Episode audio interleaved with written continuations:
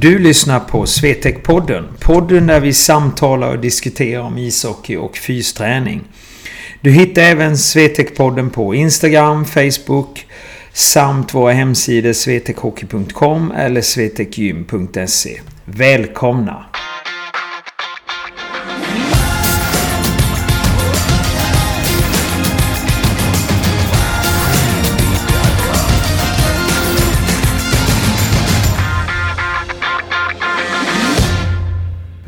Var det dags för det andra avsnittet i Swetec-podden. Och ni är hjärtligt välkomna till dagens ämne som är teknikträning. Vi har också en gästintervju idag och det är med Mikael Lundblad från Växjö som också hjälper till här på Swetec. Och jag intervjuade han på en eh, söndagsskate här i söndags. Men eh, varför vänta? Vi tar intervjun på en gång. Välkomna!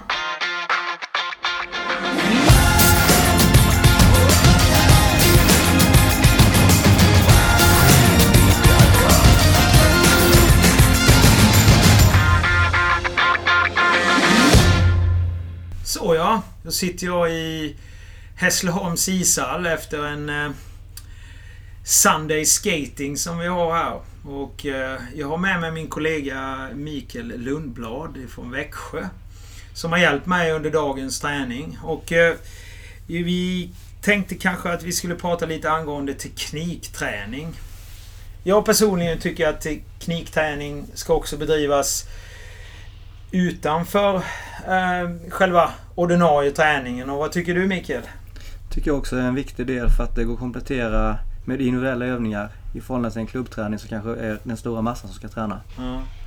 Om vi tänker på dem som eh, vi hade här nu och vi hade en, ja, en 6-7 spelare som vi jobbade med. Hur tycker du att eh, deras förutsättningar var? De var 08-09 var de. Om man tänker på vad hade de fått med sig för sina klubbar tror du? Eller tycker? Jag tycker nog att man eh, inte tränar så mycket balans och teknik och noggrannhet utan att eh, man har mer fokus på att hålla igång så många som möjligt och det ska gå så fort som möjligt. Mm. Ja, ja, det håller jag med dig om. Och, och, det som jag som slår mig ofta så här när man tränar de här ungdomarna det är ju Alltså, nu är de ju unga. Men man förklarar inte riktigt hur kroppsreaktionerna fungerar på isen heller. Så att man gör ofta väldigt tekniska övningar och sen så bara är kroppen som en slangbälla. Kan du, tycker du att det finns en relevans i det? Ja, men det gör det ju verkligen för att eh, här bedriver vi ju en, en, träning för sex stycken elever som mm. vi kan nöta och prata med och ge instruktioner hela tiden. I en klubblagsträning så kanske det är 50 barn i fem stationer. Mm. Och det är 10 varje och en del är där och tittar på särreklam och en del är för att träna. Ja, så ja. att det blir väldigt splittrat ibland. Men om du tänker dig klubbträning. Hur kan man, tycker du, utveckla själva klubbträningens teknikträning?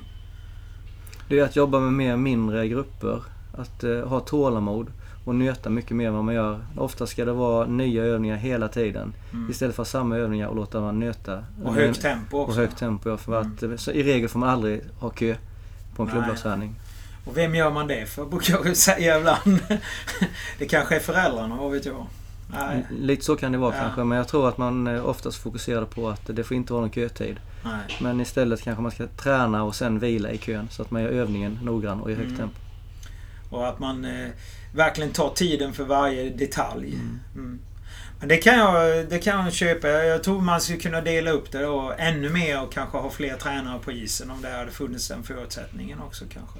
Mm. Men jag tror att eh, mer, ska vi säga, mer detaljer men mindre övningar så hade man kanske fått ut mer utav den teknikträningen. Mm, och ha tålamod i en klubblagsträning. Att, att verkligen nöta och inte ha så snabbt att ta sig vidare till nästa, nästa övning. Nej. Hur, må hur många år har du hållit på och jobbat så här med teknikutveckling? Jag har jobbat eh, i åtta år wow. som eh, tränare. Mm i klubblag. Ja. Och nu så jobbar du lite mer med Swetec. Hur tycker du skillnaden är Swetec kontra den klubben som du var och är fortfarande i? Ja, skillnaden är ju att vi jobbar väldigt mycket med individen här och ser individen vad de behöver träna på. Eh, till skillnad från en klubblagsträning där man tränar mer en samma station och att man roterar. Här har vi ju helt andra förutsättningar där vi kan jobba med mycket mindre grupper. Mm. Och sen så om jag flikar in så tycker jag ju att många gånger är det lättare i Swetec också för att de eh, spelarna är ofta här på samma villkor. Mm. Alla vill. Och det tror jag gör det ju lättare och jag tycker inte det är något fel. De som vill ska ju ha möjligheten att göra någonting extra också för att se vad, om jag kan nå min bästa nivå. Så kan jag tycka lite grann. Det tycker jag också. Jag tycker att eh, det här är ett jättebra komplement till vanlig klubblagsträning. Mm. Ja, precis, ett komplement. Och att man ser det som ett komplement mm. också. Det tror jag är viktigt. Vi, är, vi är ju ingen, vi är ingen, vi är ingen konkurrent utan vi är Nej, ett komplement. Precis. Och det där, där tror jag ju tyvärr många inte ser det på samma sätt. Utan man... Eh, ja. Eller vad tycker du? Nej men jag håller med dig för det är så jag upplever det också. Och som du säger att här är ju faktiskt alla på samma villkor. Här vill man lära sig och ta instruktioner. Mm. Det kan skilja lite från en klubblagsträning. Ja. Ja, jag tycker det är intressant och ni träffar ju Mikael här på Svetex och eh, han är, han är en duktig tekniktränare för han får eh, de här, ska vi säga, pusselbitarna att gå ihop sig och det tycker jag är häftigt. Så vill ni träffa Mikael så är ni ju hjärtligt välkomna till eh, Svetex kamper. Och därmed får vi tacka Mikael för denna lilla grejen. Tack så mycket Micke. Tack själv.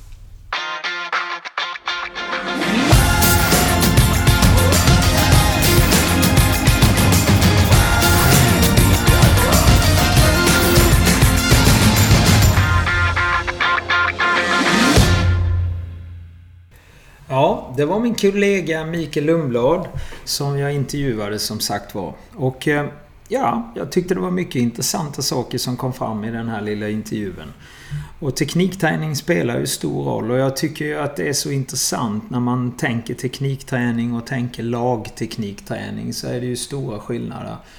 Jag tycker ju, som vi sa i intervjun, att det är väldigt, väldigt bra om man har möjligheten att kunna ta lite extern teknikutveckling. Typ som vi har här på Swetec. För att vi är ju liksom inte en konkurrent emot klubblagarna. Vi är ju ett komplement och det är ju väldigt viktigt att tänka på. Att eh, vi ska ju liksom vara en del av de utbildningsmöjligheterna som man kan då ta, ta till sig för att bli eh, en bättre hockeyspelare och skapa sin bästa nivå helt enkelt.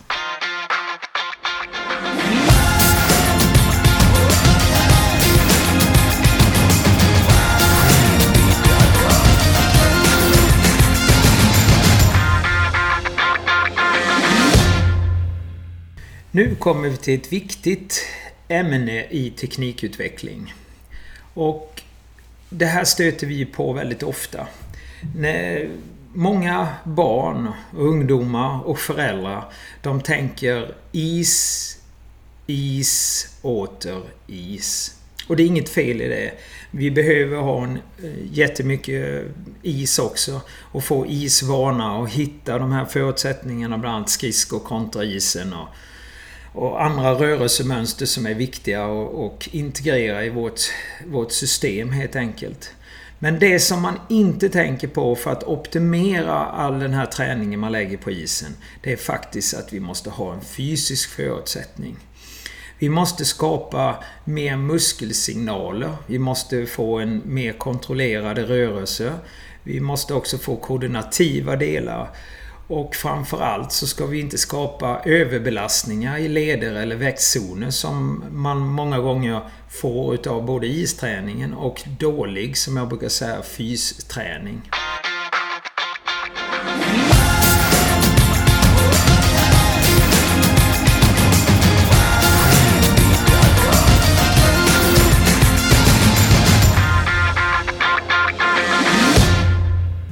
När det då gäller fysträningen så handlar det ju faktiskt om att få ihop alla pusselbitar.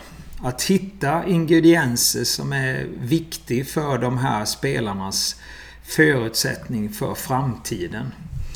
Och mycket av den fysträning som bedrivs idag inom ishockey eh, tycker jag ju som jag sa tidigare är inte bra det bygger på ofta erfarenheter från de som utför träningen själv. Eller så har de en rent allmänbildad fysträningskomponerat program. Och det kan vara hopp, armhävningar, ja, löpning då också förekommer ju väldigt, väldigt mycket fortfarande inom svensk ishockey och även i våra eh, skandinaviska länder också. Och det här är ju en katastrof för att ofta så skadar det mer än att det gör nytta. Och då kan man ju fråga sig då till exempel, ja men löpning är väl bra? Där skapar vi ju kondition. Ja, det är ju delvis rätt. Men man kan, behöver faktiskt inte springa för att få kondition. För att löpningen, ofta för de här ungdomarna som är i växtprocessen, har ju en jättehög belastning då i bland annat sina växtzoner i, i knäna. Ofta har de inte en stabilitet i knäna. De har inte de strukturerna som ska hålla upp knäna. Och då kommer då den här tre gånger vikten och belastar foten och sen så då så kedjereaktionen upp där och sen så straffar det knät helt enkelt. Och det här är ju... Ofta känner ju inte tränarna till utan ja, man ska helt enkelt bara springa. Men det finns ju fantastiskt mycket bättre träning än så här. Och det som är viktigt att tänka på då när det gäller den fysiska träningen för ishockeyspelare så är det först att man måste se över och se alla man har i laget. Vad har de för förutsättningar? Hur är deras, eh, ska vi säga, koordinativa rörelser? Ehm, försök att identifiera dem. För att vissa behöver vissa saker mer och vissa behöver andra saker. Och då är det viktigt att man som fystränare går igenom detta. Jag får nästan skräck när jag ser ibland inom eh, lagidrotten att alla kör samma. Man har ingen kontroll över hur till exempel Joel kontra Peter kanske skulle träna. Och det är ju bara små saker man behöver justera ofta. Om man då gör en cirkel till exempel med åtta övningar så kan man ju som jag har ibland om vi har då 16 ungdomar så kanske jag har åtta övningar då som jag sa. Men jag har kanske 4-5 olika alternativ på varje ställe för just för att anpassa mig till de här individerna med deras förutsättningar. Det tycker jag är jätteviktigt när man tränar då lag. När man tränar i andra förutsättningar som när man verkligen gör det på riktigt om jag uttrycker mig så. Individuell inriktning så gäller det att programmera upp det på rätt sätt. Och där jobbar vi ju efter pyramid. Där man ska skapa basen och sen så bygger man på varje avsnitt hela vägen. Och det gör vi även under säsongen. Så att när vi programmerar våra ishockeyspelare så är vi väldigt noggranna med både hur man utför de här rörelserna och att man lägger rätt övningar på rätt in, ska vi säga, nivå i perioderna helt enkelt. Så att kunna skapa de här förutsättningarna för teknikutveckling så gäller det då att ha en bra fystränare. Och då tänker jag mig att man, att man tar någon extern utifrån. Inte någon som har gått en helgkurs genom förbundet, för det är ingen fystränare. Utan en, en bra fystränare som kan planera upp fysen på 12 månaders basis och gärna ett längre perspektiv så att man bygger efter tid. Inte efter idag. För det är ofta det som skapas. Alltså fysträning så bara gör man och plockar ihop någonting. Det är lite hopp och skutt som jag sa tidigare. Utan här gäller det verkligen att man har en, ett mycket, mycket bra upplägg för att skapa de bästa förutsättningarna för de här ungdomarna. Och eh, med mina fyra år, och jag hoppas det blir ännu mer år, att med lärdom så kan man applicera det till bra programmering. Och det är det de behöver, de här barnen och ungdomarna. För att vi ska skydda dem också för eftertiden, efter idrotten. Så att det inte det blev, som det tyvärr blev för min egen del, att vi... Ja, man har men helt enkelt utav sin, sin ungdomstid och sin junior seniortid. Seniortiden är en egen tid men just de här uppbyggnadstiderna där man överbelastades alldeles för mycket. Så skapa god teknikträning genom en fysisk bas.